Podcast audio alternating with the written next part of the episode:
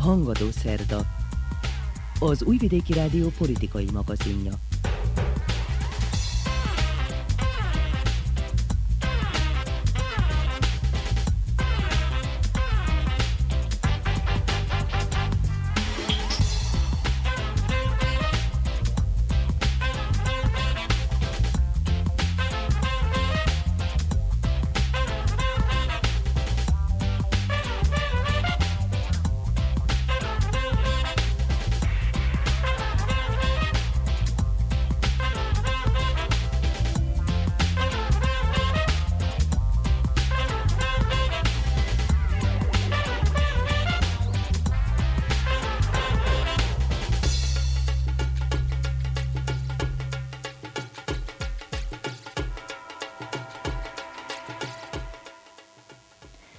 Köszöntöm hallgatóinkat a mikrofonnál Muci Szántó Márta.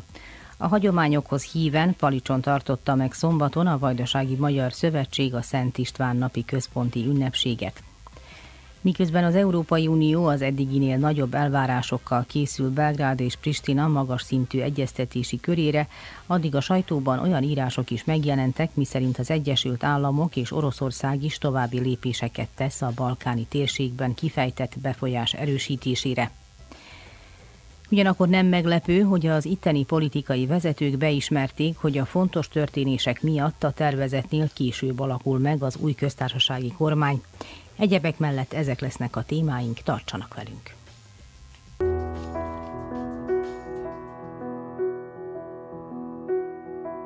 Egy délután álmodtam én, mint jó barát jöttél felém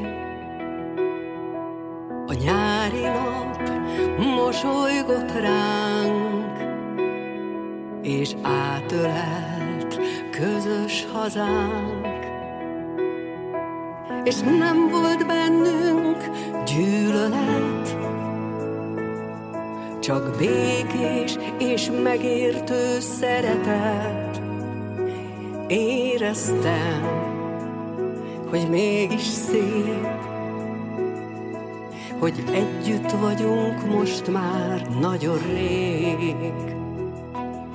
Az asztalunk terítve volt, és távolról halk zene szólt, és úgy tűnt, nem is nehéz, egy értelmes, józan beszélgetés mert mindannyian összetartozunk, bár mindannyian mások vagyunk, és azt hiszem, épp ezért szép, hogy együtt vagyunk most már nagyon rég.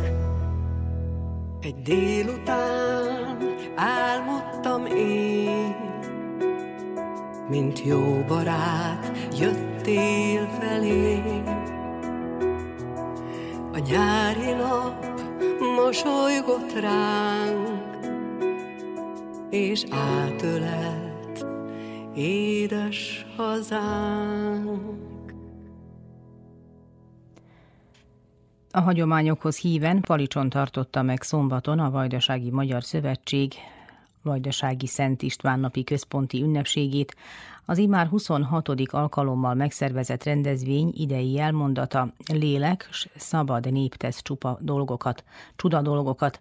Berzsenyi Dániel a Magyarokhoz című verséből származik az idézet. A kenyér szentelést követően Pásztor István, a Vajdasági Magyar Szövetség elnöke mondott ünnepi beszédet, ebből következik részlet. Csuda dolgok megtételére lélek, szabad nép képes. Ezt a szabadságot megadta nekünk államalapító Szent Királyunk. A kereszténység felvételével a szabadság lehetőségét hagyta ránk, ezáltal pedig a választás lehetőségét is. Dönteni kell jó és rossz között, helyes és nem helyes között, háború és béke között, végső soron arról kell döntenünk minden nap, hogy a Kárpát-pedence népei között mi a dolgunk. Együttműködni vagy leigázni. Az urat szolgálni, vagy az uraktól kegyet lesni. Egyszerűnek, banálisnak tűnő kérdések talán azok is, mint minden olyan kérdés, ami alapvető. Ugyanoda vezet vissza a szabadsághoz. Szabad néppé tett bennünket Szent István. A magyar nem kuruc és nem labanc. A magyar nem születésétől szereti a szabadságot, és nem különb ezáltal másoknál. Legalábbis mi úgy gondoljuk, hogy igyekszünk megfelelni annak az elképzelésnek, amelyről azt merészeljük feltételezni, hogy Szent István feltételezése, elvárása lehetett a mi irányunkban. Elvárás, feltételezés, feladat. Valami olyasmi, ami ezer éven át képes bennünket megtartani. A magyar szabadság tehát, amire olyan nagyon büszkék vagyunk, mintha valamiféle hungarikum lenne, nem más, mint Szent István legmélyebb és legtitkosabb öröksége, amit ránk hagyományozott. A magyar szabadság nem függetleníthető el az alázattól és a méltóságtól, ahogyan a fölfelé, az ég felé emelt tekintettől sem.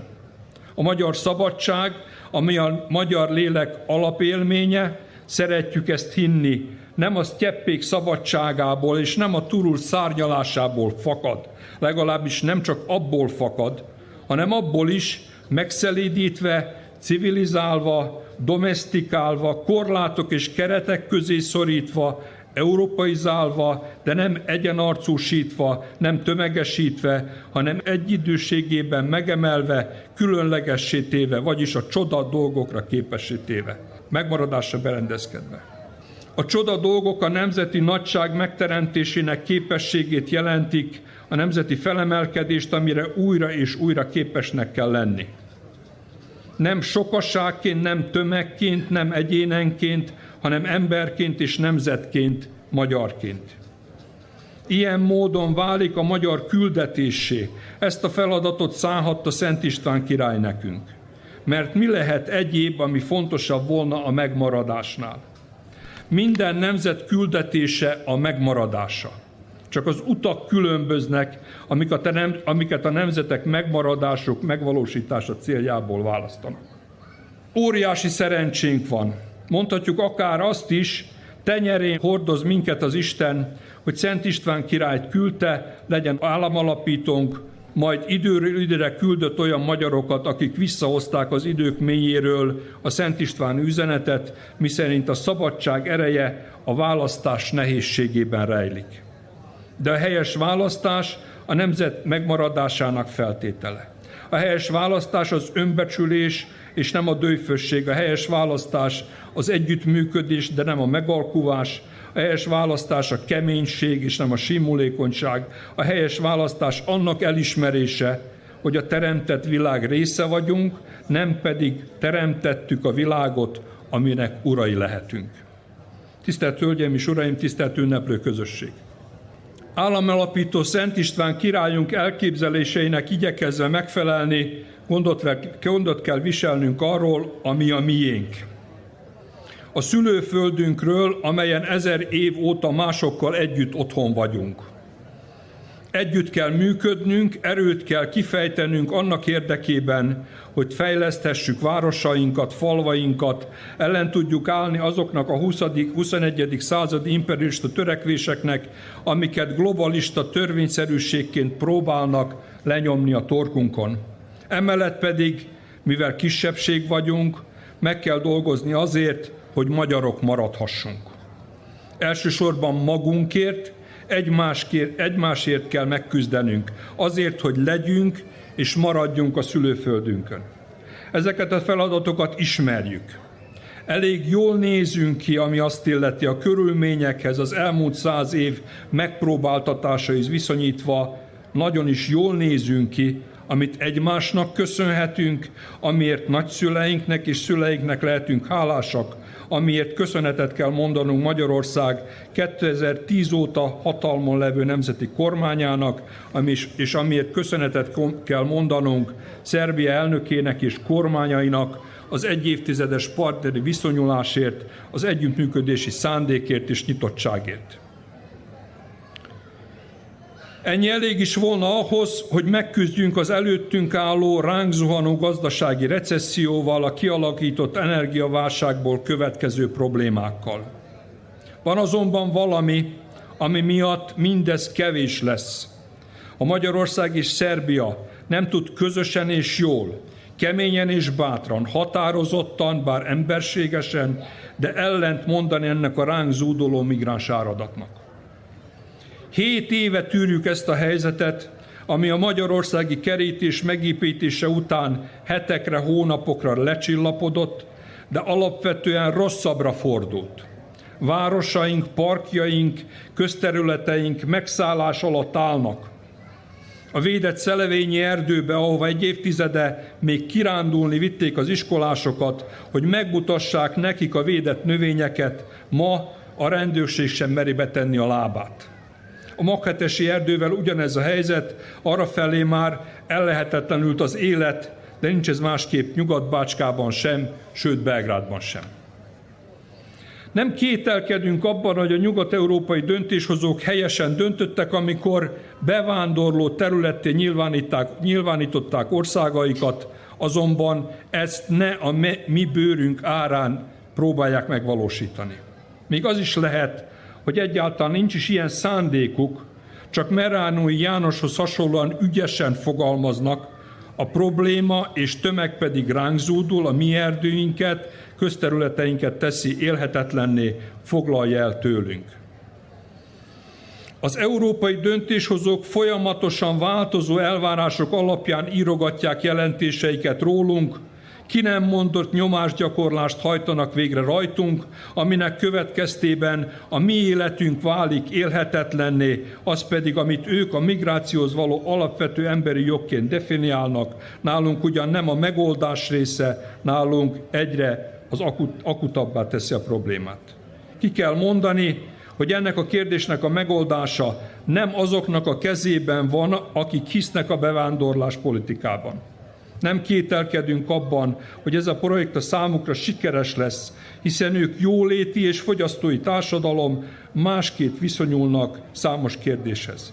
Mi azonban másfajta történelmi tapasztalatok birtokában, a nemzetek önrendelkezésében, a szuverén országokban és a jó szomszéd együttműködésben hiszünk, életünk megoldását, társadalmunk fejlődését ezek mentén kívánjuk alakítani újfent és világosan ki kell mondani, a migráns inváziót a déli határon kell leállítani. Mi nem válhatunk a nyugati utópiák fogjaivá, a migránsok nem válhatnak ugyanezen utópiák áldozataivá, szerencsétlen páriákká, akik hónapokon át egyre frusztráltabban és dühösebben próbálkoznak Európa bevételével, annak az Európának a bevételével, ami egyébként állítása szerint örömmel várja őket. A kettős beszéd helyett a megoldások irányába kell elindulni, de ehhez kétségtelenül meg kell szüntetni a jelenlegi áldatlan állapotokat. Tisztelt Hölgyeim és Uraim, tisztelt ünneplő közösség! Államalapító királyunk Szent István legfőbb törekvése a béke és jó viszony megteremtése volt, Kárpát-medence fejlődését és virágzását ebben látta. Ennek a gondolkodásnak a része volt az erős ország, amit hittel és akarattal vértezett fel. A hit jelentette szabadság adja meg az erőt, ami nélkül nem építhető és nem tartató meg egyetlen közösség sem. Mi ma 2022-ben is azt tudjuk ünnepelni, hogy van hitünk. Van bennünk szeretet a szülőföldünk iránt. Együttműködési szándék vezérel bennünket a többség irányában. A nemzethez tartozás kiterjedése az elmúlt 12 év nemzeti kormányzásának köszönve aranykorát éli. Vigyázzuk meg ezeket az értékeket. Isten éltesse a nemzetet, Isten éltesse a vajdasági magyar közösséget.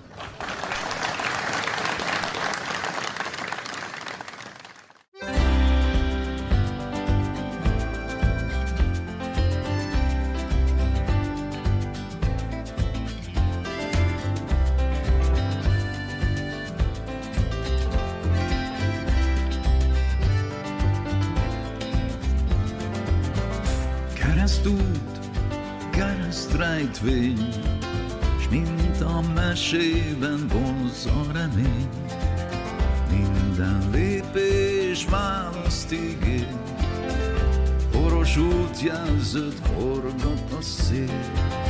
Néhány betű, néhány hang, Búcsút éneklő lassú harang, Körben nőtte az életemet, vihetsz bárhová, nélküle nem lehet.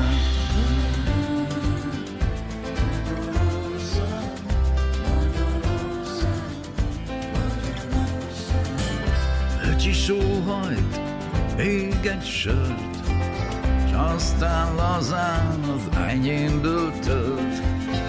A csapos bambul meg se hall, Kinn az utcákon túl nagy a zaj Van egy dal, kell egy rím Csak az ő nyelvén illik rá ki Te is jöttél, én is jöttem Néha megrogytam, te sem léptél könnyen. Legyél régész, mélyre ás Egyre régebbi otthont találsz. Újabb réteg, újabb kép Valaki előtted, s előttem ugyanitt élt. Időn innen, évszámon túl Minden tólhegre más nevet szúr. Nyitott könyv bárki előtt Ott a válasz a sorok között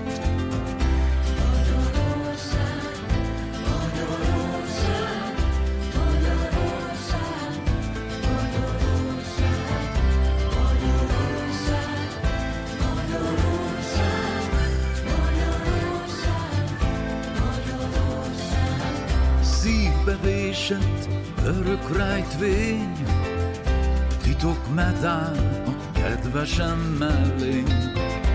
Aranyfüggés, aranyláncom Mikor ölelem, soha nem is látom. Mondd a kódot, a kapu nyílik De ha nem jössz rá, várhatsz a sírig. Tegnap tudtad, de már a új kell hopmester épp a trónra ült fel.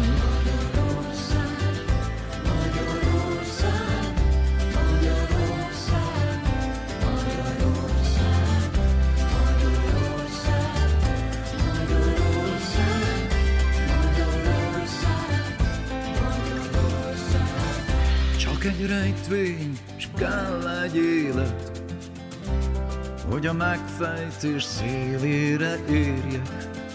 Miért várok, miért félek, miért merengek ennyit a válaszom? Néhány betű, néhány hang, búcsút éneklő lassú harang, körben nőtte az életemet, Vihetsz bárhová, nélküle nem lehet.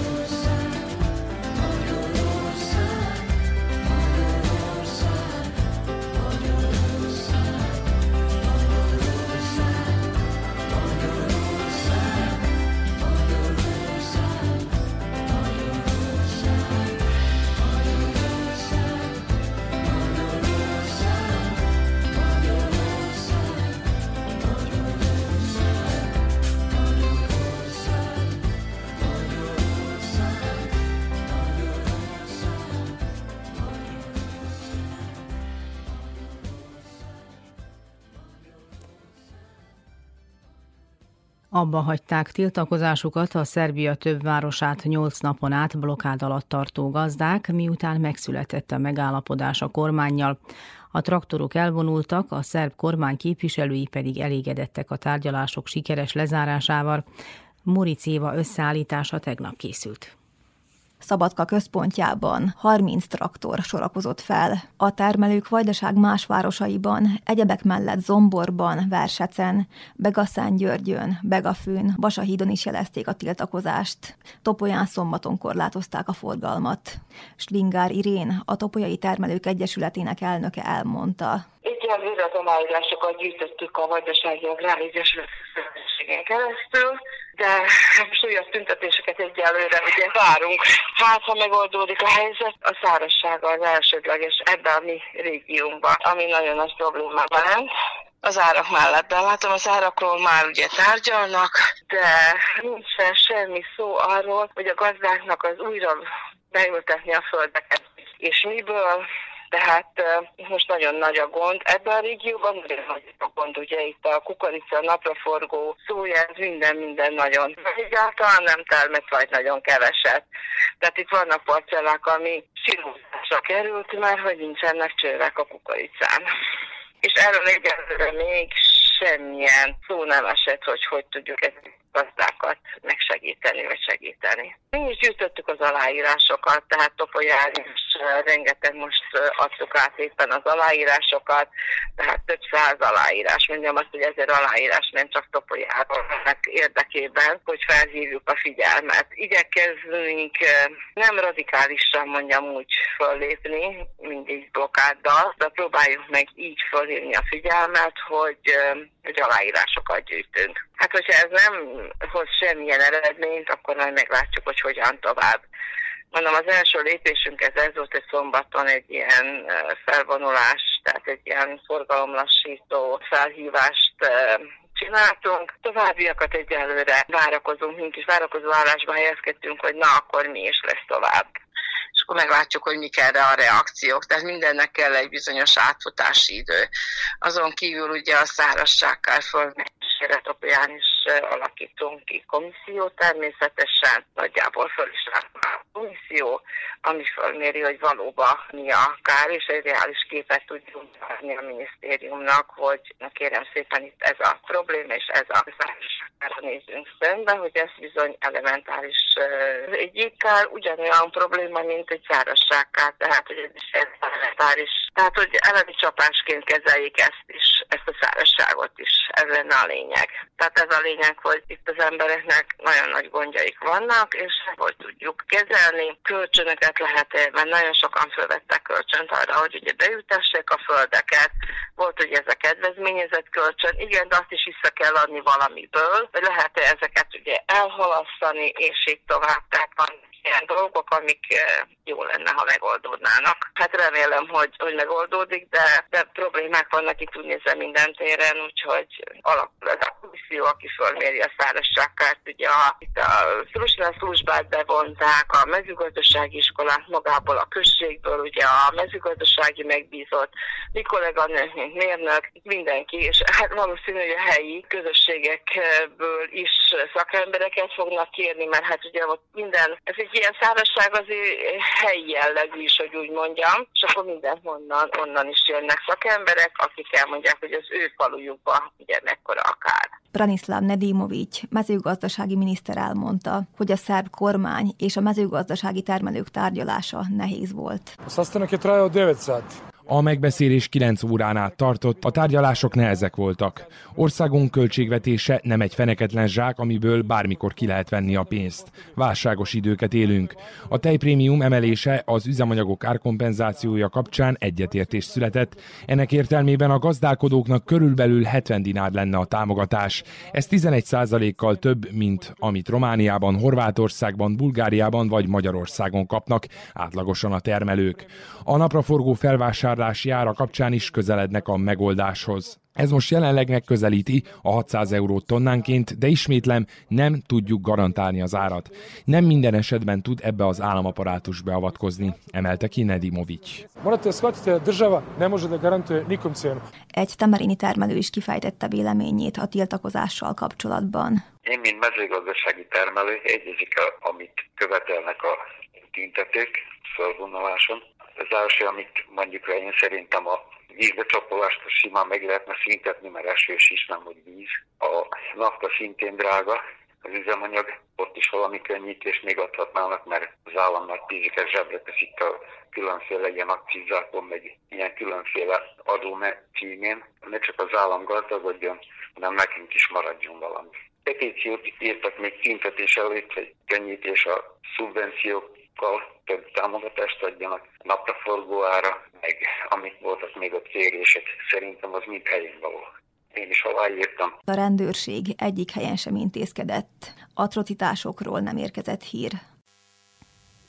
Mint azt a híradóban is elmondtuk, az összes mezőgazdasági szövetség elfogadta a kormány ajánlatát, ezzel befejeződtek az ország több pontján napok óta tartó útlezárások.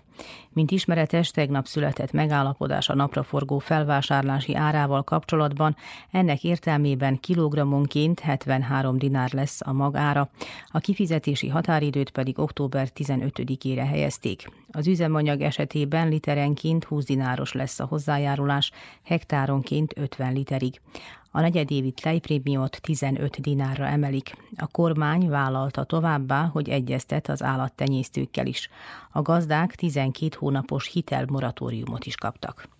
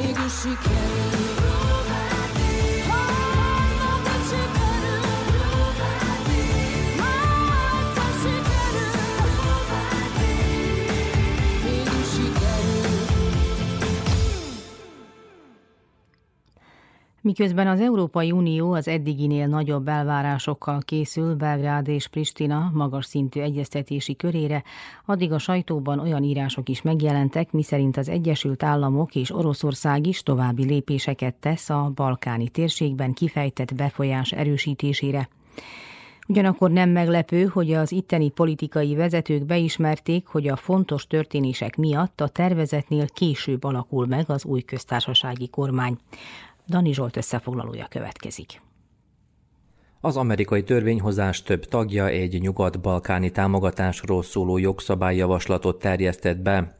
A lépés azért is figyelemre méltó, mert a dokumentum kidolgozásában részt vettek az ottani politikában egymással szemben álló demokrata és republikánus képviselők is. Az elfogadásra váró törvény hivatalos célja, hogy elősegítse a gazdasági fejlődést és a korrupció elleni harcot, de szankciókat is előirányoz azok ellen, akik veszélybe sodorják a régió stabilitását. A washingtoni politika egy része által támogatott javaslat célja, hogy ismét irányítsa a Balkánra Amerika figyelmét az itt található országok nyugati orientációjának megerősítése céljából. Elemzők szerint Washington a támogatási csomagokat és büntető intézkedéseket is egyaránt magába foglaló javaslattal szeretné ellensúlyozni Kína, Oroszország és más keleti hatalmak itteni kapcsolatait. Christopher Hill, Amerika belgrádi nagykövete szerint országának jelen kell lennie a nyitott kérdések megoldása során, de ez nem az Európai Unióval való versenyt jelenti, hangoztatta. Arról is szólt, hogy nem folytat szerbellenes politikát, éppen ellenkezőleg a kapcsolatok elmélyítésén dolgozik. Hill szerint a koszovai szerbek autonómiája nem lenne egyedi megoldás, hiszen számos országban alakítottak meg hasonló intézményt. Közben az orosz sajtóban is elemzések jelentek meg a belgrádi vezetés kijelentéseiről. Ez szerint Szerbia arra törekszik, hogy a Moszkvával való jelenlegi kapcsolatok megőrzése mellett levegye a tárgyalóasztalról az esetleges szerb-orosz katonai együttműködés bővítésének kérdését. Az orosz diplomácia ugyanis felvetette egy szerbiai haditámaszpont létesítésének a szükségességét, amit úgy is értelmeznek, hogy Moszkva is bizonyos nyomást gyakorol Belgrádra a nyugattal való egyebek között katonai együttműködés miatt. Alexander Vucic államfő a közelmúltban több alkalommal is elutasította azokat a nyugati médiában megjelent vádakat, amelyek szerint Vladimir Putyin orosz elnökhöz hasonlóan a térség kisebb országai ellen tervezne agressziót.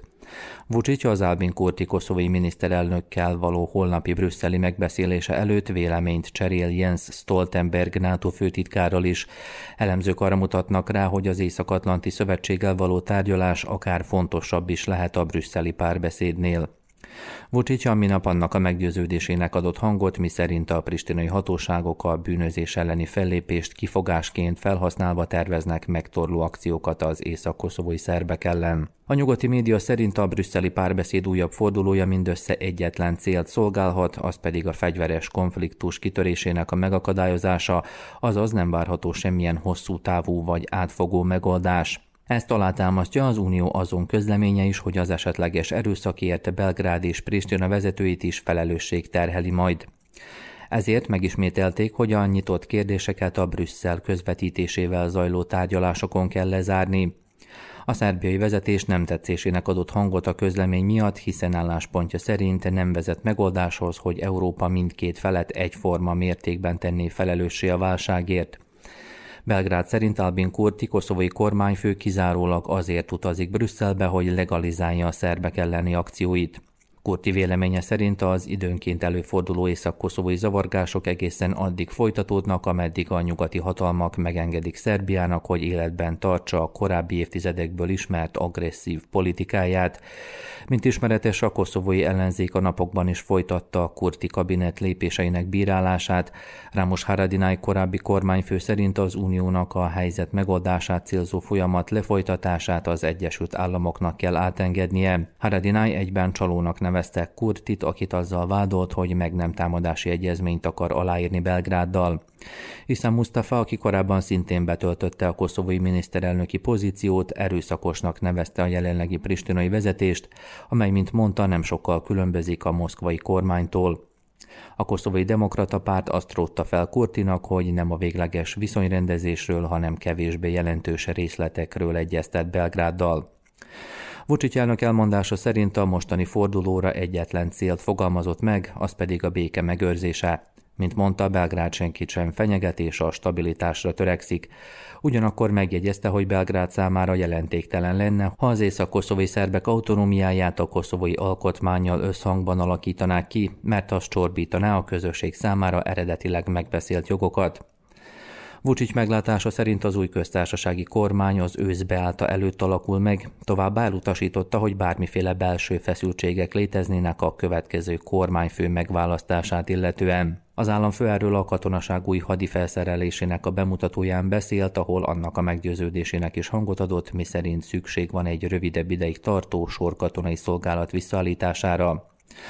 A katonaságnak szánt fejlesztésekről és bérekről szólva kiemelte, hogy Szerbia hadipara képes arra, hogy értékesítse minden előállított fegyverrendszert és lőszerkészletet. Vucic a lakosság megértését kérte, amiért késésre lehet számítani a kormány felállása kapcsán, mert, mint mondta, jelenleg a koszovói kérdés kezelése a legfontosabb.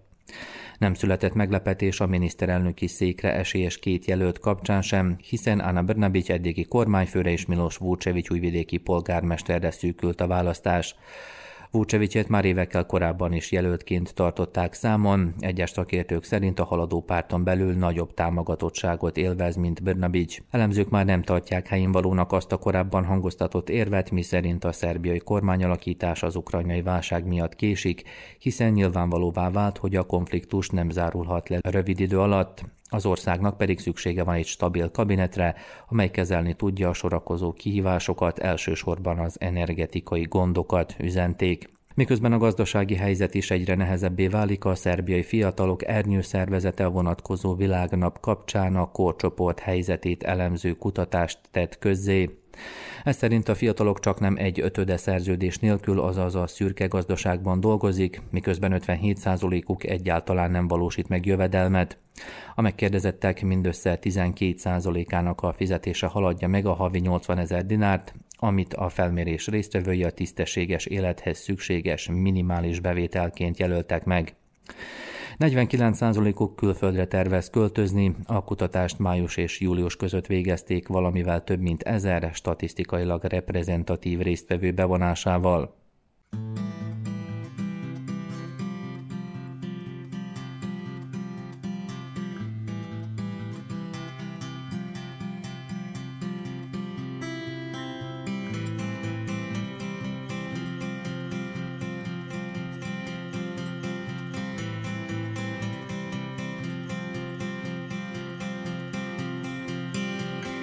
Ha régen másként láttad volna Csak él benne meg gondolat.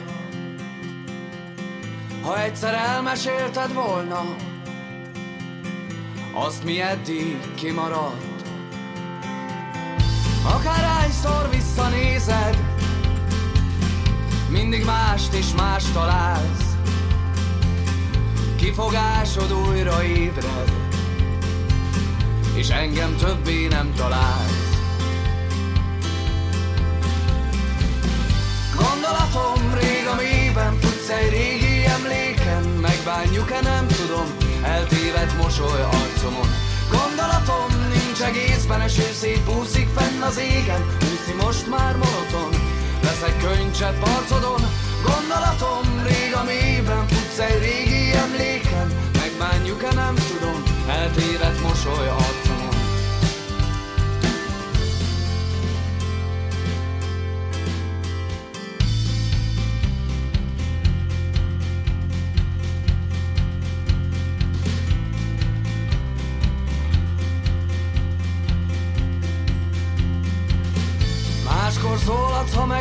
Meglátod Egy szemét forgató lidérc Súgja neked azt, hogy bárhogy Próbálsz, de el nem érsz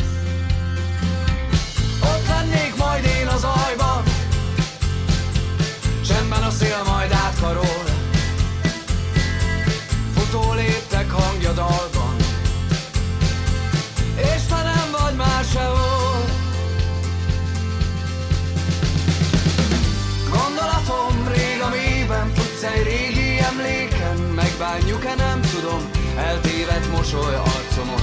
Gondolatom nincs egészben, eső szép úszik fenn az égen Úszi most már monoton, leszek könycsepp arcodon Gondolatom rég a mélyben futsz egy régi emléken. Megbánjuk-e nem tudom, eltévedt mosoly arcomon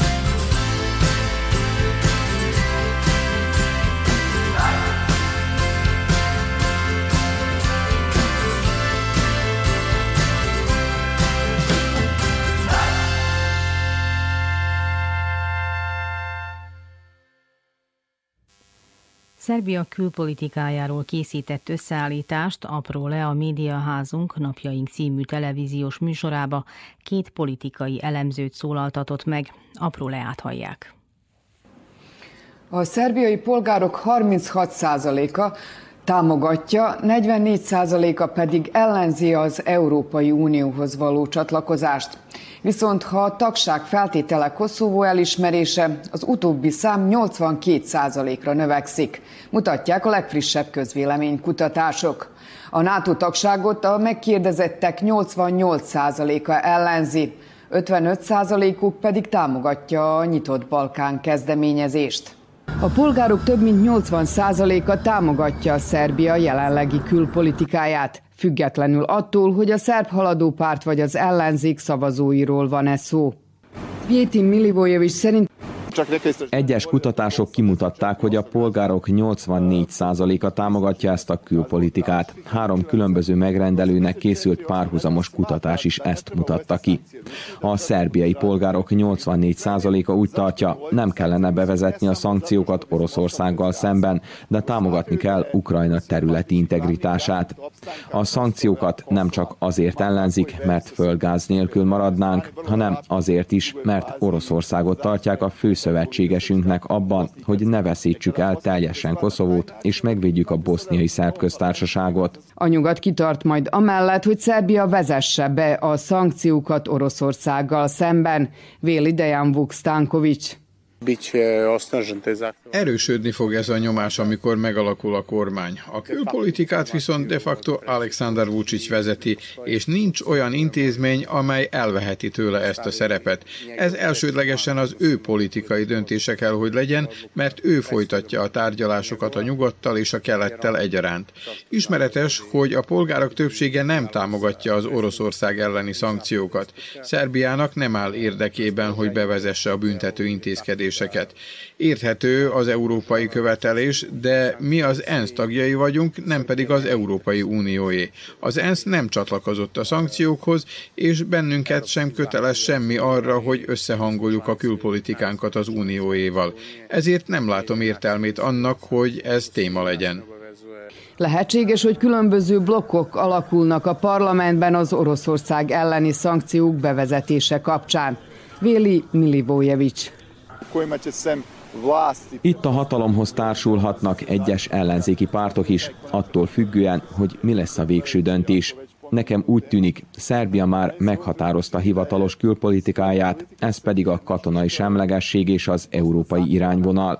Emellett Szerbia elismerte Ukrajna területi integritását, másfelől nem vezeti be a szankciókat Oroszországgal szemben. Az ENSZ közgyűlésén viszont támogatott néhány Oroszország elleni határozatot, amelyek viszont nem kötelező jellegűek. Azt gondolom, jelenleg ez a legtöbb, ami Szerbia külpolitikáját illeti. Úgy tűnik, mi gyermekmódjára utánozzuk Magyarországot, amely viszont más helyzetben van, mert tagja az Európai Uniónak, és az, ami engedélyezett ennek az országnak, azt valószínűleg Szerbia nem teheti meg hosszú távon.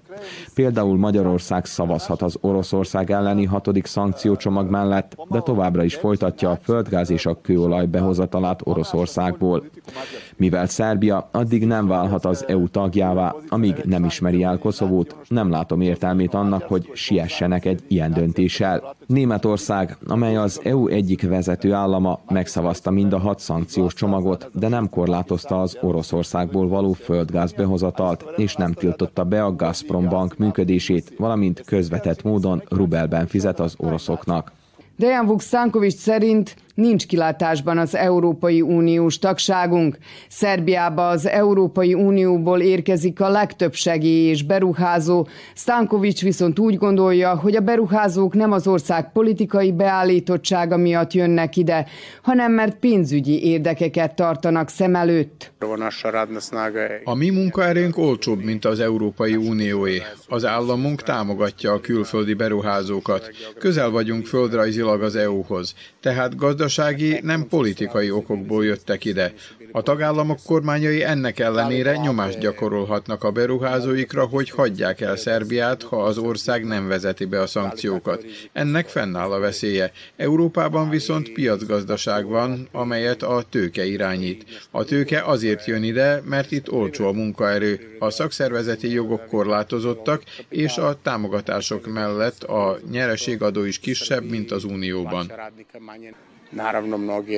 Természetesen sok nyugati cég politikai okok miatt kivonult az orosz piacról, de Szerbia semmiféleképpen sincs bekapcsolódva az ukrajnai háborúba. Elítéltük az orosz agressziót, nem ismertük el sem Donbass, sem Luhanskot, sem Donetsk megyét, sem a Krimfélsziget annektálását. Egy negatív kijelentést sem tettünk Ukrajna irányába. Követelve Szerbiától, hogy vezessen be szankciókat Oroszország ellen, azt várják el valójában, hogy drágában fizessünk az orosz földgázért. Ezzel azt is elvárják tőlünk, hogy ne kereskedjünk többé szabadon Oroszországgal, mi pedig gyümölcsöt és zöldségféléket exportálunk ebbe az országba, ami a termelők egy részének biztosítja a megélhetést. Másfelől Oroszország támogat bennünket a koszovói kérdésben és a boszniai szerb köztársaság megóvásában. Oroszország eltávolodna tőlünk, amint bevezetnénk ellenük a szankciókat ami számunkra azt jelentené, hogy el kell fogadnunk Koszovó függetlenségét, a boszniai szerb köztársaságban pedig a szerbek elveszítenék politikai autonómiájukat. Nem szabad felednünk, hogy intenzív védelmi együttműködésünk van Oroszországgal. Az elmúlt öt évben sok katonai felszerelést vásároltunk tőlük. A politikai elemző rámutatott arra is, hogy a Kína és Tajván közötti esetleges összetűzésben is jelentős szerepe lehet Oroszországnak. Az, amit ma kérnek Ukrajna kapcsán, holnap Tajvánra is vonatkozhat. Emellett az utóbbi pár évben Szerbia jelentősen megnövelte a gazdasági együttműködését Kínával is, mutatott rá Dejan Vuk Stankovics, és figyelmeztetett arra, később azt is követelhetik tőlünk, hogy ezeket a kapcsolatokat is szakítsuk meg. Felhőkbe karcoltál, égboltra rajzoltál,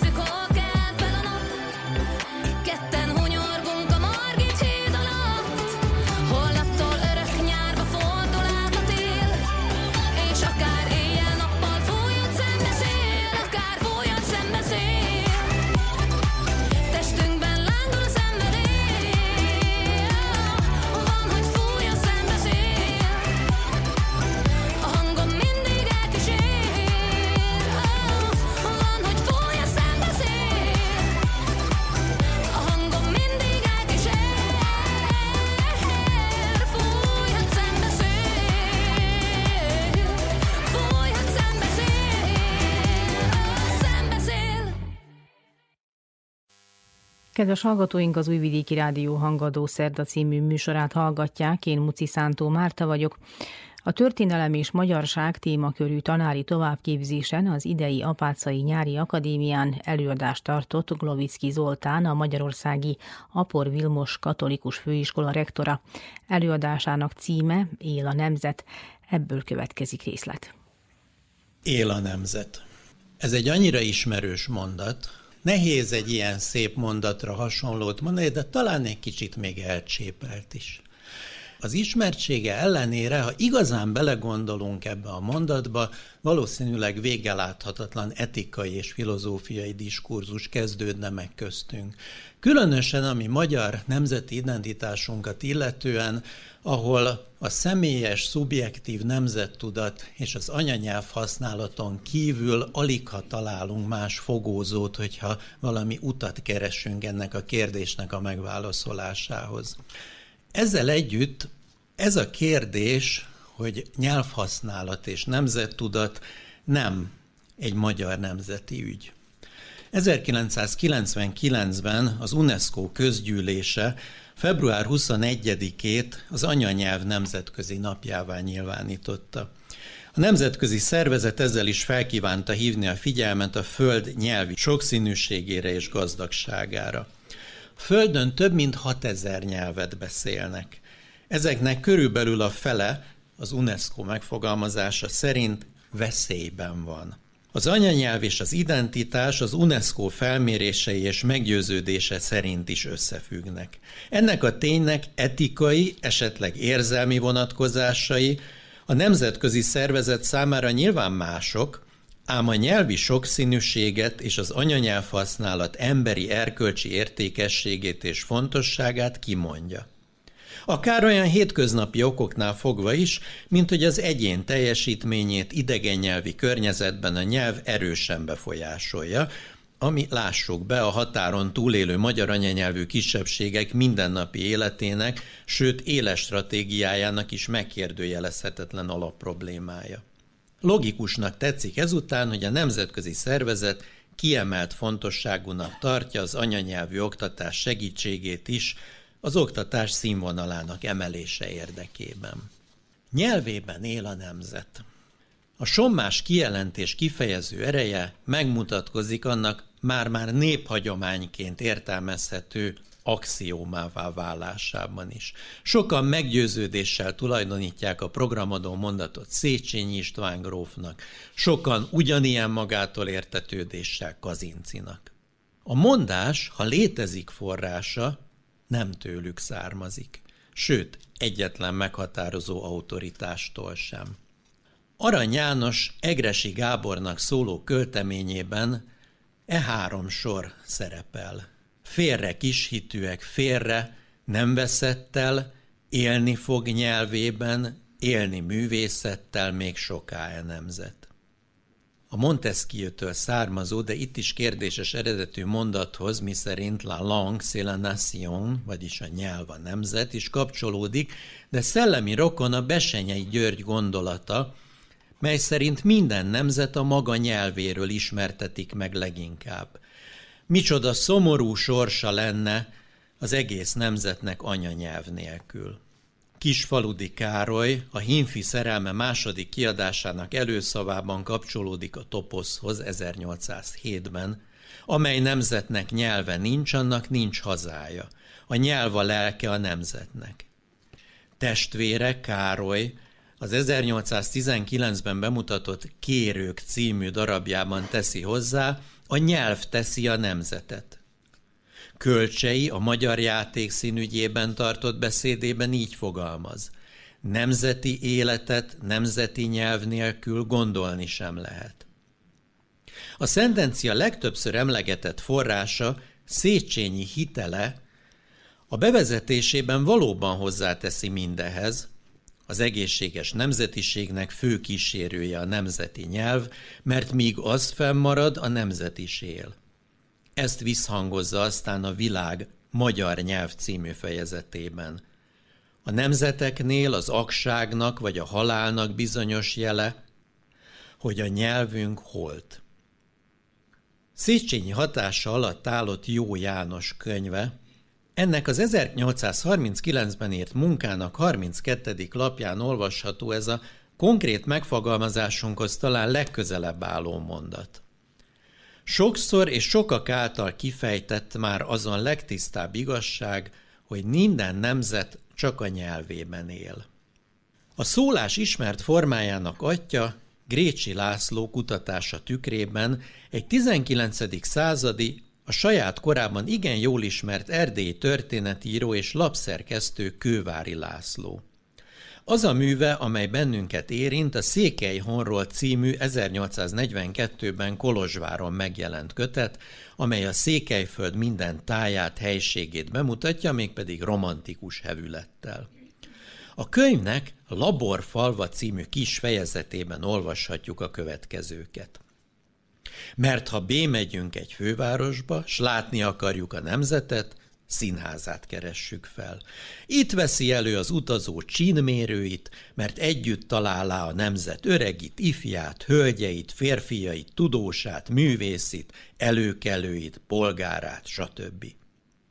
Színészet által terjed a nyelv, nyelvében él a nemzet. Legyen nálunk is országosan ápolt színház, s nem fogják Erdélyt kerülni színész gyermekei. Az érdekes nyelvi nyomozásnak persze korán sem valószínű eredmény, hogy akár Jó János, akár Kővári László hagyott volna maradandó nyomot a magyar művelődés történetben. A mondat a szállóigék ismert útját járta be, közben folyamatosan csiszolódva. A szó jó értelmében vált közhelyé, közösen elfogadott, és lámszociolingvisztikai szempontból is megalapozott bölcsességé. Hasonlóan triviális álláspontnak tűnhet a tétel, mely szerint az anyanyelv elsajátítása, s különösen tudatos használata a családi neveltetést követően egyértelműen az iskola, a pedagógusok felelőssége. Ezzel pedig, a szillogizmus bezárva, a gyermekek, fiatalok nemzeti identitásának megalapozása is. Amíg a hazai intézményi nevelés és a magyar nyelvű oktatás kiépülése ügy, és sok szempontból sorsdöntő nemzeti ügy volt, addig a pedagógus, a pedagógia és a nemzeti identitás őrzése egymástól elválaszthatatlan fogalomnak tűntek. Apácai Csere János a 17. században a korszerűen megalapozott magyar oktatás és a magyar nyelvű tudományosság alapjait próbálva megteremteni, magyar enciklopédiájában így fogalmaz. Az a nép, mely mindent idegen nyelvekből kölcsönöz, nagyon szerencsétlen. Az összes népek között a legméltóbb a szánalomra. Viszont igaz ennek az ellenkezője is. Bár apácai után mind a latin, mind a magyar tanítási nyelvű oktatás továbbfejlődött Magyarországon, a református kollégiumok, a jezsuiták és a piaristák fejlesztő tevékenységének köszönhetően az oktatás korszerűsítésében és a magyar anyanyelv használatának lehetőségeiben is komoly előrelépések történtek. Össznemzeti ügyről legközelebb a reformkor végén, különösen az önálló magyar minisztérium felállításakor beszélhetünk. A szabadságharc leverését követően, ahogy a közélet és a kultúra más területein, újabb némaság következett. Az oktatásban az osztrák Leo Thun oktatási reformjainak gyökér nélküli, mégis máig meghatározó átültetésével az anyanyelvű oktatás rendszer szintű nemzetformáló szerepének kérdése, majd a kiegyezéssel kerülhetett újra napirendre.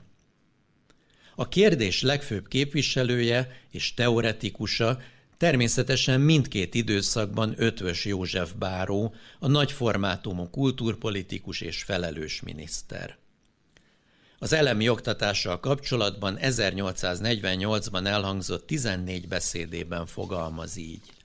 Kétséget nem szenved, hogy a jelen hongyűlés fő teendője a hazának, mely veszélyben forog megvédése. Hogy azonban a tisztelt ház e feladását nem tartja oly kizárólagosnak, miszerint más tárgyakról éppen ne kívánna rendelkezni, megmutatta a tapasztalás, mert indítványok vétettek fel, indítványok, melyek szorosan a hadikészületekkel összeköttetésben nem voltak, de melyeknek felvételét s felettöki határozathozatalát a ház mégis szükségesnek tartotta. Kérdés, így tárgyak közé tartozik-e a nevelés, vagy nem? Kérdés, szükségesnek látja-e a ház, hogy a népnevelésről minél elébb rendelkezzék. Ötvösnek az önálló magyar oktatásügyet szárnyra bocsátó politikai tevékenységével párhuzamosan születő magyar neveléstudományunk is csatlakozott a gondolathoz, ahogy Lubrich Ákos, a tudományszak egyik meghatározó magyar úttörője fogalmaz, a nemzet erkölcsi és szellemi hatalmát méhében záró nevelésügyről. Tény, hogy a nemzet identitásért aggódó gondolat kedvezőbb vagy éppen külső gátakkal terhelt időkben elhalkul. A 19. század második felében a nyugati eredményekre építő magyar neveléstudomány épp úgy eltávolodik a nevelés és a nemzettudat kapcsolatának problémájától, ahogy a korszak irodalom és kultúrtörténete általában is jelzi ezt a folyamatot. A kor meghatározó szakírói, Felméri Lajos, Veszeli Ödön és munkatársaik szempontrendszere távol áll témánktól.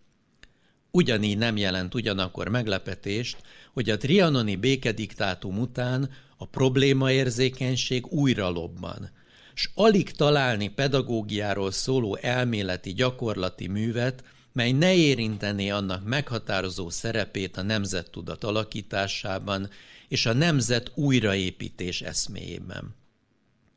Különösen nyilvánvaló ez a nevelés kérdéséhez alapvetően társadalmi, főleg kisebbségi irányból közelítő irodalomban, amilyen német László vagy különösen Makai Sándor pedagógiai munkássága.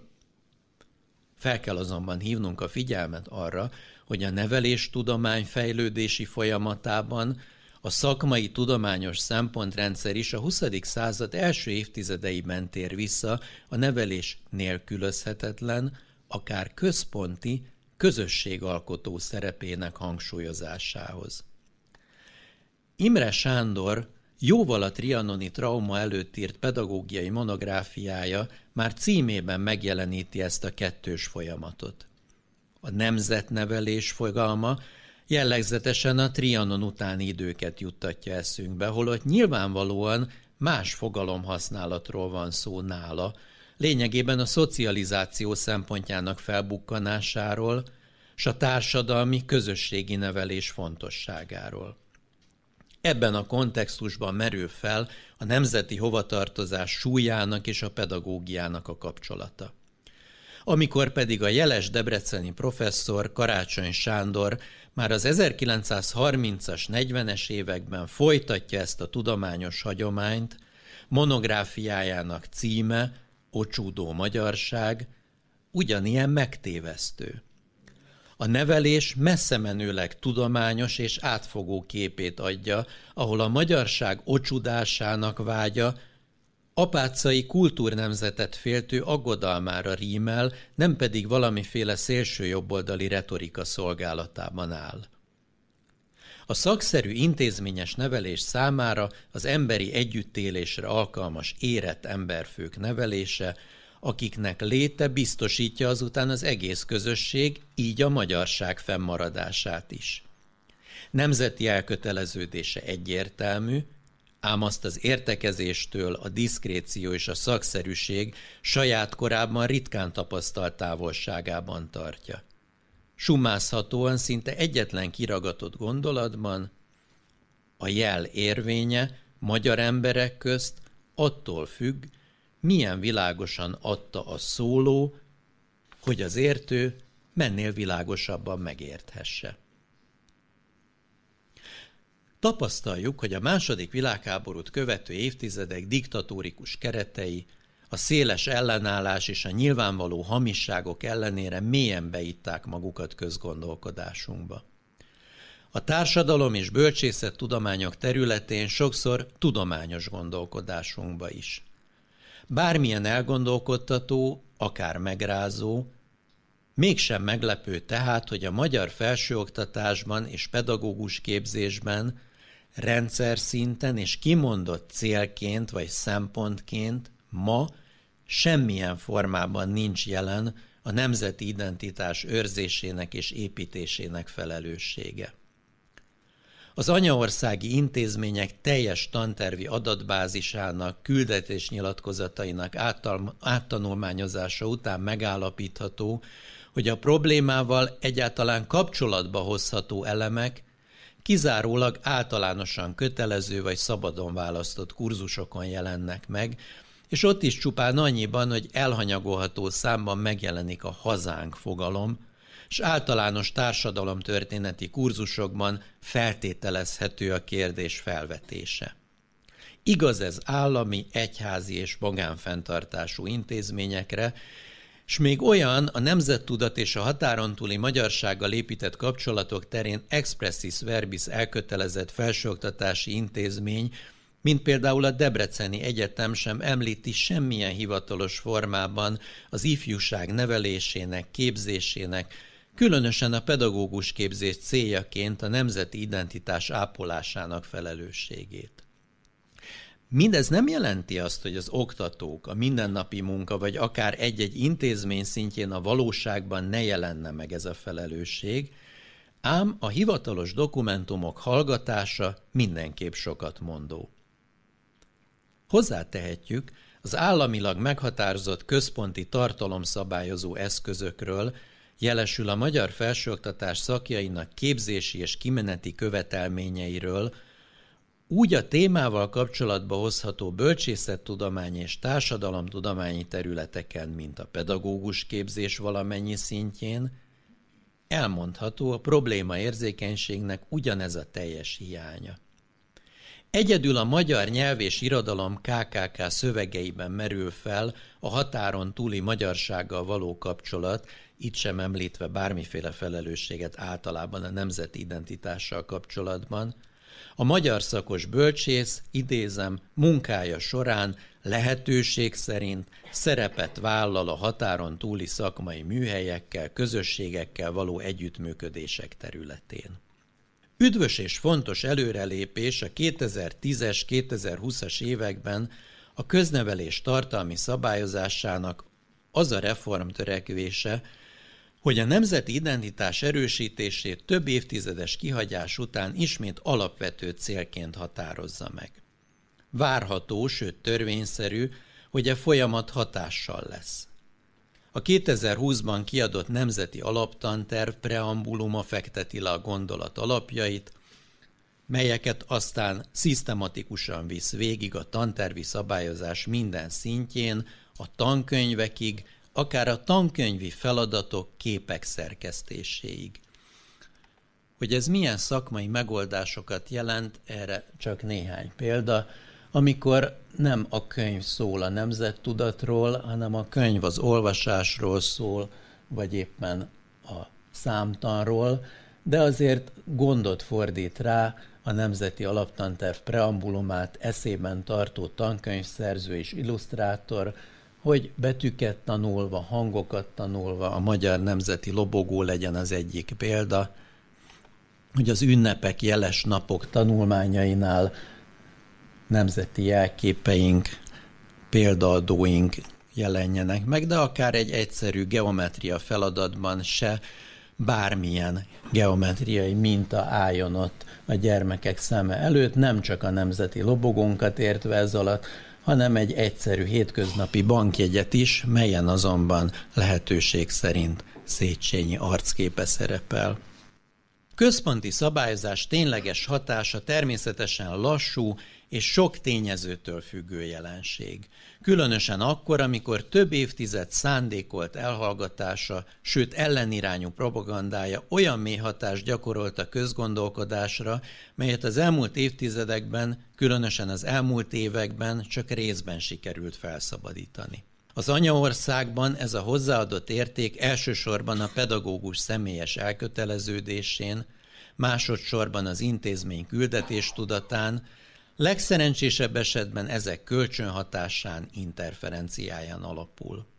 2022 telén egy száz magyarországi köznevelési intézményből álló iskolatípusok, településtípusok és fenntartók szerint arányosított minta alapján elmondható, hogy az óvodák és iskolák sajnálatos módon a valós pedagógiai munkával és tudatos küldetéssel nem mindig harmonizáló helyi pedagógiai programjainak iskolatípus és területi elhelyezkedés mintázatától függetlenül mintegy 9 százaléka tűzte ki célul a nemzeti identitás megerősítését, ezen belül pedig elhanyagolható a határon túli közösségekkel való azonosulás és a közös identitás építése. Ez alól a szomorú megállapítás alól markáns kivételt jelentenek a történelmi, alapvetően keresztény egyházak által fenntartott intézmények, ami azonban azt is jelenti, hogy a javukra elbillenő mérleg másik serpenyőjében, az állami szférában még, még csekélyebb a gondolat jelenléte. Ugyancsak kedvező kivétel, aminek köszönhetően azonban, ám jól körülhatárolhatóan kizárólag ebben az összefüggésben, az előbbi százalékszám sokszorosa említi meg a határ, határon túli kapcsolatokat, az a határon, határtalanul programban való részvétel, amely, ehelyt is méltán összegezhetjük, a magyar köznevelési rendszer egyik legfontosabb és legeredményesebb kezdeményezése az elmúlt időszakban. A 2020-21-es esztendőben 713 pályázó közül 372 hetedikes osztály, és 565 közül 123 középiskolai osztály kapott támogatást a korszak pandémikus feltételei közt is ténylegesen megvalósuló határon túli kirándulásra. Magyar anyanyelvű vagy tanítási nyelvű köznevelési intézményben pedagógusként szolgálni az anyaországban vagy határon túli magyar lakta területeken csak látszólag homogén jelenség. Míg a határokon belül sajnálatos módon esetleges pedagógiai munka hozzájárulása a nemzeti identitás építéséhez mind az egyén, mind a közösség szintjén, addig a határokon túl az identitásképzés definíció szerinti kulcsáról és a családok mellett elsődleges teréről, eszközéről beszélünk. A nyelvhasználat helyi jogszabályi lehetőségei az anyanyelvi iskoláztatás és a pedagógus képzés egzisztenciális összefüggésben állnak egymással. A pedagógus képzés egyszerre alibi, lehetőség, de a par excellence magyar nyelvű felsőoktatás kézzelfogható és megkérdőjelezhetetlen indoka is. Az akár a 18. századi vagy még régebbi múltra visszatekintő képzőhelyek jelentősége és feladata Trianon után ennyiben át is értelmeződött. A külhoni magyar nyelvű felsőoktatás alapdokumentumai, intézményi küldetés nyilatkozatai közt a nemzeti identitás megőrzésének célját ugyancsak a Párciumi Keresztény Egyetem, Babesbójai Tudományegyetem és a Vajdasági Magyar Felsőoktatási Kollégium esetében találjuk meg, ám mind a határon túli magyar nyelvű felsőoktatásban résztvevők, mind a külső szemlélő számára nyilvánvaló, hogy a képzések puszta léte és a fenntartásukért folytatott küzdelem önmagában hordozza és egyúttal jelképezi a magyar identitás megőrzésének törekvéseit. Szépen, egyszerre felelősen és diplomatikusan fogalmazza ezt meg a Seje János Egyetem, Képzésünk elősegíti a magyar értelmiségi réteg kialakulását, amely nemzeti közösségünk tartó pillérévé válhat, amelynek tagjai nyelvtudásuk révén nemzetközi viszonylatban is érvényesülni tudnak. Ez az általunk feltételezett magától értetődést igazolják ugyanezen intézmények másodlagos nyilatkozatai és önreflexiói, valamint tudományos kutatással támasztotta alá a 2015-ös széleskörű pedagógus jelölt motivációkutatás. Az elmúlt évtized anyaországban vizsgált pedagógus hallgatói esetében a pályaválasztás motivumai közt kizárólag az általa okozott öröm, önkiteljesedés, a kiszámítható karrier lehetősége, elsősorban pedig az állásbiztonság és a családdal való összeegyeztethetőség merült fel. A konkrét választás és a pálya megítélése szinte kizárólag a pedagógus pálya, nyilván a társadalom által is befolyásolt szubjektív percepciójából fakad, vagyis az identitás képzés szerepének eltűnése a köznevelési rendszerből, a köznevelés és a felsőoktatás küldetés tudatából és gyakorlatából szinte törvényszerűen vonja maga után, hogy ennek a pályaválasztásban is csak akkor van szerepe, ha egy-egy meghatározó pedagógus szigorúan saját elkötelezettsége folytán összekapcsolja a leendő kolléga gondolkodásában saját szerepét a tudatos identitás képzéssel. A határon túli területeken a magyar nyelvű felsőoktatásba jelentkezés önmagában is a nemzeti identitáshoz kötődő igen komoly értékválasztás. Különösen elválaszthatatlan ez a motívum a pedagógus képzésbe jelentkezők esetén. Ennek megfelelően például Erdélyben más határon túli magyar lakta területekhez hasonlóan ugyanekkor a Magyarországon felfelbukkanó jegyek a kényszerválasztásra, vagyis máshová nem vettek fel, vagy a véletlenszerű választásra, csak diplomát akartam szerezni, mindegy milyen szakon, vagy nem tudtam, mit akarok pontosan, gondolkodási időt akartam nyerni. Tehát az ezekre utazó tényezők egyértelműen nem játszottak szerepet a szakválasztásban. A gyakoribb tényezők között érthető ugyanakkor tetten egy intézményi vonatkozású és egy szimbolikus indítatású motivációs háttér is. Előbbire a választott intézmény megítélésének és az ott tanító oktatóknak a szakválasztás befolyásoló szerepe. Utóbbira a képzés tannyelvének, magyar, és identitás megerősítő szerepének fontossága utal. A képzés biztosította lehetőségek kihasználásából fakadó indítatás, például a román nyelv elsajátítása, vagy a város biztosította lehetőségek, vagy az egyetemista élet, az anyagi, ösztöndíj, képzésára és kényelmi tényezők, például a lakóhelytől való távolság, sőt a családi minta a hallgatók szerint kevésbé játszott szerepet a szakválasztásban. A Szlovákiában tanuló pedagógus jelöltek ugyanebben az értéktartományban mozogva kimondottan az anyanyelven tanulást emelik ki legfontosabb motivációként ami némi területi, lakóhelyel összefüggő kényelmi torzítás leszámítva félreérthetetlenül a kisebbségi identitásképzéssel függ össze. Tekintettel arra, hogy a tanulmányaikat anyanyelven az anyaország intézményeiben is folytathatnák. Ahogy a fentieken belüli árnyalatként például a vajdaságban a magyar tannyelv keresését megelőzi a pálya iránti elkötelezettség, minden szakon az érdeklődési körnek megfelelő képzést keresik először, csak azt követően az anyanyelvi képzést.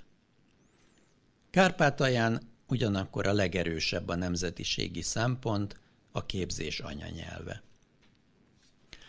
A legfrissebb egyúttal a pedagógus képzésről és a pályamotivációról gazdagon értekező szakirodalmat 2015 óta is feldolgozó 2020-as kutatás sajátos módon együtt kezeli a Kárpát-medence teljes hallgatói populációját. Tekintettel arra, hogy az egyébként személyes motivációt és pályapercepciót érzékeny módon külön értékelő kutatás kérdései köz sem szerepel az identitásképzés gondolata, a kutatási eredmények szinte értelemszerűen nem is reflektálhatnak erre. A motivációs szempontok között lehet azonban helye a motivumnak, de csak egy olyan abstrakciós szinten, mint hogy a pedagógus a tanítás terén visszaadhat a társadalomnak abból, amit kapott. Ebből a példából is nyilvánvaló, hogy a pedagógus pálya identitásőrző és identitásképző szerepének A jelenlegi szabályozó dokumentumokból, küldetésnyilatkozatokból, kutatásokból való elhagyása nem feltétlenül tudatos, semmiképp sem messze menő negatív következtetésekre okot adó jelenség. Különösen nem a határon túli területeken, ahol ez az összefüggés empirikus módon nem szorul igazolásra. Mindenképpen tükrözi ugyanakkor a téma több évtizedes szándékolt elfeledettségének velünk élő nyomait, valamint azt a történelmileg megragadható dinamikát, melyben a nemzeti identitás problémája időbeli vagy térbeli válsághelyzetekben intenzívebben kerül elő a pedagógia világában is. Örüljünk tehát, vagy nem, hogyha előkerül, és jelzi ez az időbeli vagy térbeli válsághelyzetet, minden esetre az eredmények ösztönzőek is lehetnek. Legyenek azok.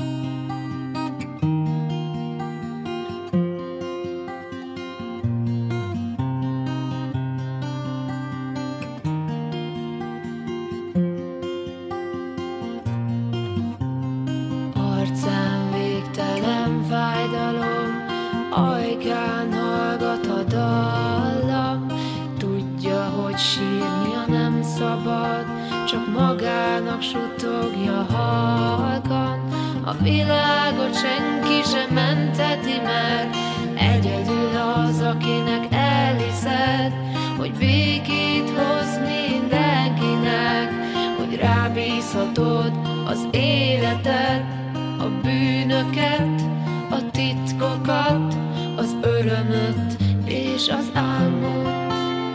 Kapukat tár, országa vár, a szívedet te is kitárod. Igen, elhiszem, több nincs neked.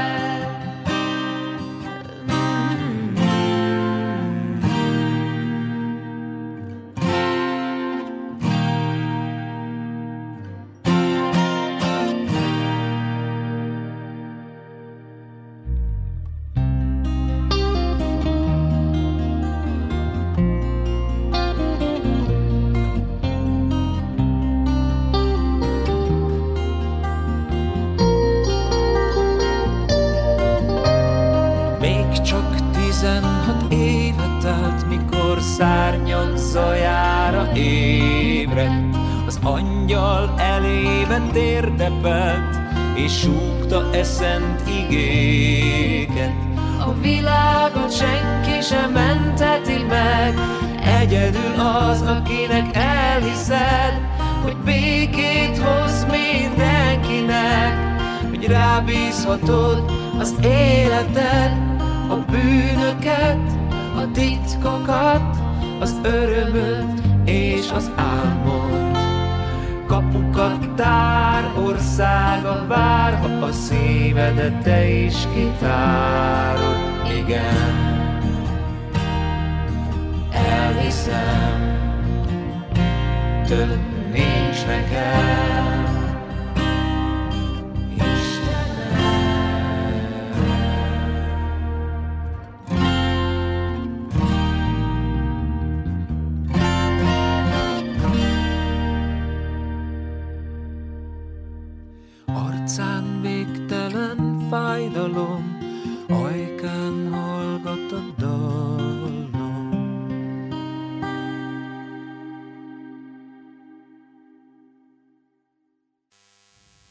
Hagyományosan újvidéken megszervezett Apácai Nyári Akadémián előadást tartott Szijjártó István, a Magyarországi Százak Tanácsának elnöke, Nemzetünk igazi alkotmánya anyanyelvünk és kultúránk címmel.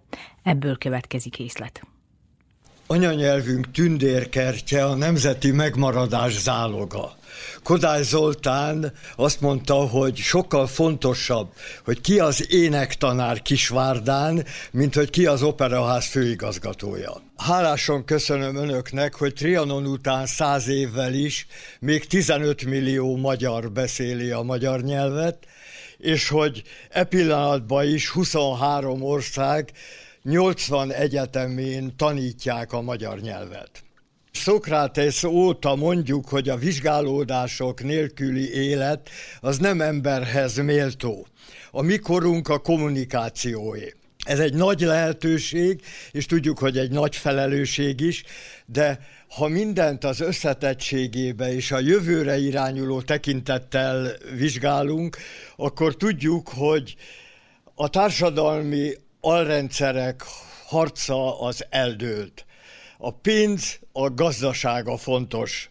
Mindenütt ezt halljuk, én meg kihasználva, hogy itt kollégák között lehetek, Makacs idealistaként ismételem, a fizikusként is ismert francia filozófus Blaise Pascalnak azt a gondolatát, hogy nátszál az ember, de gondolkodó nátszál, minden méltóságunk a gondolkodásban van, igyekezünk tehát helyesen gondolkodni.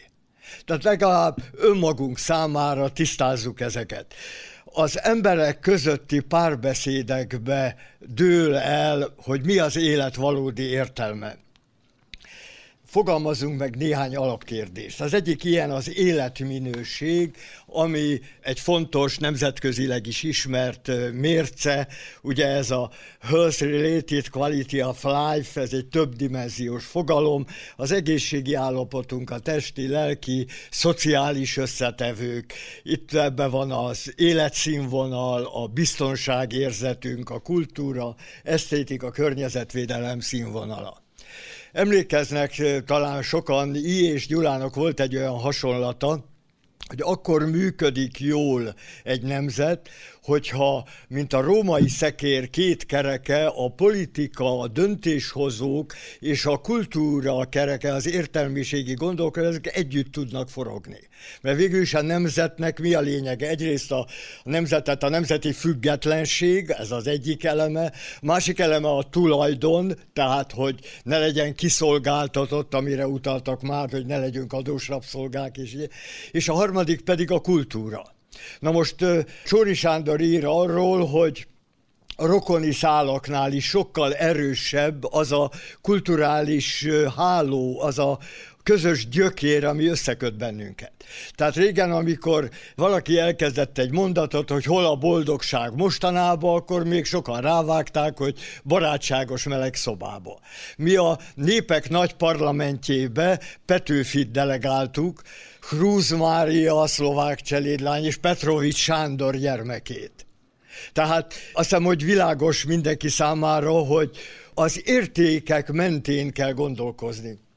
A nemzet, mint egy jó anya, előre készült a Petőfi születésére, gondoljanak a, a nyelvújítás korára, a reformkor irodalmának megjelen, megteremtette a, a nemzet, a barátokat, támogatókat, az ellenfeleket is, és mi azóta is, jövőre ugye Petőfi év lesz, a népek nagy parlamentjébe Petőfit delegáltuk. Na de hogyha ezt most komolyan gondoljuk, akkor viszont vannak Petőfinek olyan mondatai, amiket jó lenne, hogyha újra meg újra elővennénk, minden kérdésre, alapkérdésre az egész életünkkel felelünk. Tehát a példánkból mindig több marad meg, mint a szavainkból. Ez az életünk nagy felelőssége a négy gyerekünk, meg a 18 unokánk, meg most már várjuk a 9. dédunokát, ez elsősorban a feleségem érdeme, de a felelősséget azt minnyájon a jövőért érezzük, és, és sokszorosan érzi az ember, amikor látja, hogy a tájékozatlanság, mikor azt mondja az egyik tanár rá, éppen fizika, matematika szakos tanár rá lett unokám, hogy Hát meg kell újítani, hogy másként kell gondolkodni a pedagóg, hogy, de mondom, biztos, hogy tudod te, hogy mi az, amit meg akarsz újítani? Mert ha az előbb azt mondtam, hogy az életminőség, akkor egy újabb ilyen nagy alapkérdés, hogy a hitről mit gondolunk? Hogy ez csak olyan, amit a, ez esetben a tiszteletes úr elmond, és mi elmormoljuk a mi atyánkat. Mikor bemutatták Varsóba Vajdának, Andrzej Vajdának a Katin filmjét, akkor a díszbemutató után nem taps tört ki, hanem az emberek fel is elkezdték imádkozni a mi atyánkat. Mennyire van bent az életünkbe az, hogy azért jó, sokat gondolunk magunkról, ugye tudunk-e a közösséggel gondolkodni. Én a Wordometernek itt kiírtam a múlt héten a legfrissebb adatait. Idén június valameddig 41 millióval szaporodott a népességünk. Most e szerint vagyunk néhány millió híján a 8 milliárdnál már. És nem csak az a nagy öröm, hogy hogy egy milliárd, nem tudom én hány millió könyvet adtunk ki, hanem az is, hogy hány millió hektár erdőt pusztítottunk el, hogy az erózió milyen, tehát ezeket Na most ezt nem lehet másként nézni szerintem, csak a jövőre irányuló felelősséggel, ahogy felelősek vagyunk a tanítványainkért, a, a gyermekeinkért, dédunokáinkért. Tulajdonképpen azt hiszem, hogy ez a, ez a dolog summája a nemzeti összefogásnak nincs alternatívája. A történelem az arra tanított meg bennünket, hogy Európa, ami egy időben, és amikor még mi csatlakoztunk, a mi számunkra, minnyájunk számára, Európa az az értékeknek a birodalma volt, az az Európa a szemünk előtt amortizálódik, minden, amit mi korábban értéknek tekintettünk, és ez valóban így van pontosítva, hogy ez politikai kérdés, ez nemzetpolitikai kérdés, nem a pársznak, a résznek, a pártoknak az ügye, hanem az valamennyiüknek a közügye. És ebbe a közügybe én azt gondolom személy szerint, hogy a legkülönbözőbb embereket is azt tudja összefűzni, hogy mi egy azonos nyelvet beszélünk. Mi tudjuk, hogy mi a különbség a, a borz tanya, meg a torz banya között. Vagy mi azt is tudjuk, hogy a, nem mindegy az, hogy az embernek gödön van szobra, vagy szobon van egy gödre. Tehát a, az anyanyelvünknek ez a kosztolányi 200 szót ír a, a részegségre. 200-at. És most meg azt látjuk, hogy a nemzeti hírközlési szerveink riporterei is, a riportalanyokról nem is beszélek, keresik a szavakat, mert ma helpdesk manager a portás. Nem? Szóval a mene, mindenki menedzser akar, mert valahogy alkalmazkodni akar. De nem mindegy, hogy a jóhoz akarunk alkalmazkodni, vagy a, a talmihoz, a mulandóhoz. Beszéltünk itt este arról, hogy a Joe Bidennek, ugye az amerikai elnöknek, aki ráadásul nálam fiatalabb is, tehát én tudom, hogy mi minden vár még ő rá, hogy kiolvassa a sugógépből az instrukciót is, hogy mit mondjon még egyszer. Tehát a, ugyanott vagyunk, amikor a, Boris Jelcint láttuk, amint állt alkohol mámorba Izlandnál, a repülő nem tudott kiszállni, az izlandi kormányt így és nem tudom pontosan, hogy igaz vagy nem igaz, de a, a moszkvai olimpián a Brezsnyev kiolvasta, hogy ó, ó, ó, ó, és mondták, hogy az az olimpiai ötkarika, lejjebb van a szöveg. Na most, és ez, ez minnyájunkat bekerít. Szóval azt szeretném mondani, ha egyszer a hit az a keresztény életmódnak egy alapvető aktusa, hogyha tudunk hinni abban, hogy a, a Jóisten minnyájunkat a maga képére formált, és biztos, hogy teológusok ezt tudják még részletezni, de akkor másként kell néznünk azt a világot, ami most ö, szemünk láttára, mert igen, azért nem tudtunk, nem láttunk napi híreket, nem volt CNN, most úgy közvetítik a háborúkat, mint a szappanoperákat.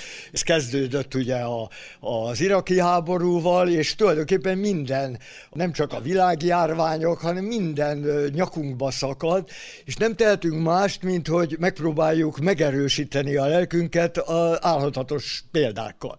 Szóval a százok tanácsába, a Nemeskürti tanár úr, Csóri Sándor, Fekete Gyula, a Püski házas pár, az Olavzon placidatja, száz évesen is sugárzott az örömtől. Sinkovics Imre, akik derűvel, hittel, hogy, hogy persze hát az a dolgunk, hogy, hogy tegyük a jó rendet. És ha erre mi vevők vagyunk, akkor könnyen rájövünk arra, hogy Tacitusszal az élet az nem jövedelmezőbb, de sokkal emberibb jobb érzésünk van. Ugye a sok jelenlévő hölgy sokszor az életkorával foglalkozik. Jó lenne, hogyha Shakespeare ott lenne mindenkinek a fülébe, miszerint a szépség, írja Shakespeare, a szépségnek az idő az rossz raktárosa. Ez a, az emberi amin szépé az embert 80 és 90 és 100 évesen is teszi, az a mosoly, amiről tudjuk, hogy két ember között mindig a legrövidebb út. És hogyha azzal kell szembenéznünk, hogy nem néhány százezer vagy néhány millió ember jön a déli határain teljesen védtelen Európa felé, hanem ez a vándorlás a következő években két milliárd főre növekvő Afrikából, csak Nigériának a népessége, az már öt európai nagyhatal, nagy országnak a népességét meghaladta. Ez a ez az egész ránk zudul, más lesz a világ. Ez egészen biztos. De eh, ahogy Ray Bradbury a Marsbéli krónikákba írta, hogy bármi is lesz, azért mi emberek eh, fogjuk azt el. Tehát valahogy a bizalom lenne a Gandhi figyelmeztetések tudomásul vételével, a bizalom lenne az, ami szerintem összetarthat bennünket ami lehetővé tenné, hogy most ö, ezek a gondok, ezek, de azt mondta János Pál pápa annak idején, hogy ne féljetek. Ez az, ez az evangéliumi mondat, akik láthattuk még abba az időben, a 80-as években, az akkor ilyen szamizdátként terjedő nagy fotóalbumokba, egymás mellé rakott fotókba, hogy micsoda tömeg gyűlt össze Gdańskba. És ez az egész kellő. Egyik barátunk, Jerzy Snopek, aki a irodalom történész és nagykövet volt, azt javasolta, hogy ahogy Szent Benedek Európa védőszentje, látjuk, hogy nem nagyon tudja őrizni. Második János Pál pápa Karol Wojtyla volt az, aki Cirilt és Metódot is Európa társvédőszentjévé avatta, hogy Közép-Európa védőszentje, akár lehetne ez a Karol Vojtila is, aki mikor megtudták, hogy lengyel lett a pápa, akkor mondták, hogy hol van az a Lengyelország. Mindés mondta, hogy ez egy olyan ország, ahol a bíborosok 50%-a jól síjel ez a Szent második János Pál pápa, ez nem kapta meg az emberiségtől, tőlünk ezt a földi elismerést, mert amikor Nobel eh, békedélyre javasolták, századik missziós útját járt a súlyos betegen már a merénylet után, de egy 43 éves iráni jogásznő lett a Nobel békedélyes. Azt írja Hamos Béla, hogy kínált nektek emberiség Tolstoy a szeretettel egy lehetséges utat. Az emberiség ehelyett választotta a két világháború, a fogolytáborok, a gulágok, a megsemmisítő táborok borzalmait, és úgy tűnik, hogy a 21. században is ezt választja, mint emberiség. Na de azért a választás szabadságát, ami személyiségi jogainknak a legfontosabbját, azért nem lenne szabad föladnunk. Most azért, hogy a az anyanyelv jelentőségéről, mert a jelentősége tulajdonképpen az, hogy, hogy most a cucor fogarasi már ősnyelvek tekintette a magyar, meg hogy, hogy milyen gazdag a magyar nyelvünk, ugye Arany János több szót használt, mint William Shakespeare, tehát hogy ezek, ezek jó, ezek fontosak, ezt tudjuk, ismerjük, persze, de ne felejtsük el, hogy a, a Minotaurus az kijár a barlangjából még. Na most, ha mi Szentgyörgyként lándzsát akarunk a, a gonosz ellen emelni, akkor nekünk erőt kell gyűjteni, és az erőt adhatja a családunk, a barátaink, a közösségünk, a fölnevelő közösségünk hagyományrendszere, minden jó akaratú ember a világon, aki hasonlóképpen gondolkodik, és akkor az ember erre azt mondja, hogy, hogy az a veszély, ami a nyelvet fenyegeti, hogy elveszik tőlünk a nyelvünket, elveszik a kultúránkat, és akkor valami módon rabbá leszünk és gyökértelenné leszünk, ez ellen mi szegezhetjük azt a Krisztus oldalát is átjárt láncsát, és ez erőt adhat minnyájunknak.